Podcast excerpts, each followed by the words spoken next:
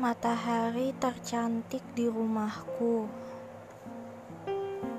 Dia sungguh tak menginginkan harapan terakhir satu-satunya mati perlahan-lahan. Karena hanya dengan itu dia dapat terus hidup. Mengapa dunia dan seisinya selalu bertindak begitu tidak adil kepadanya?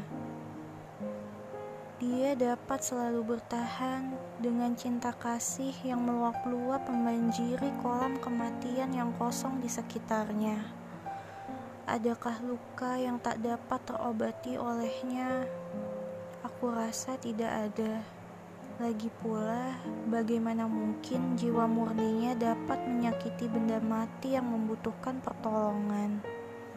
Meskipun ia terlalu jahat untuk diberi uluran tangan lembutnya. Pikirku yang kerdil ini selalu menghakiminya sebagai korban yang teramat bodoh. Dapatkah ia melihat cinta sebagai kesucian yang harus diberikan secara proporsional? Pada hakikatnya, pada tempatnya yang layak aku tidak yakin. Dia adalah matahari terpandai di rumahku.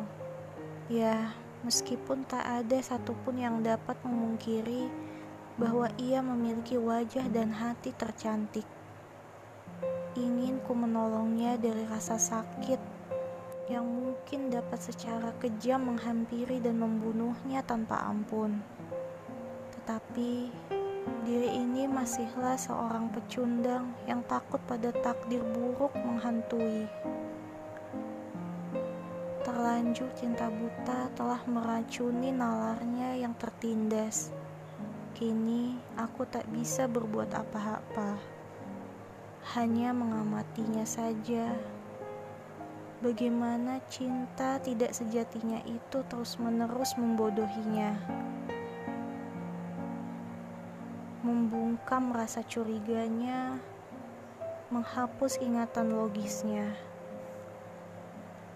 Aku berharap ada matahari kebijaksanaan yang sudi mampir ke rumah ini. thank you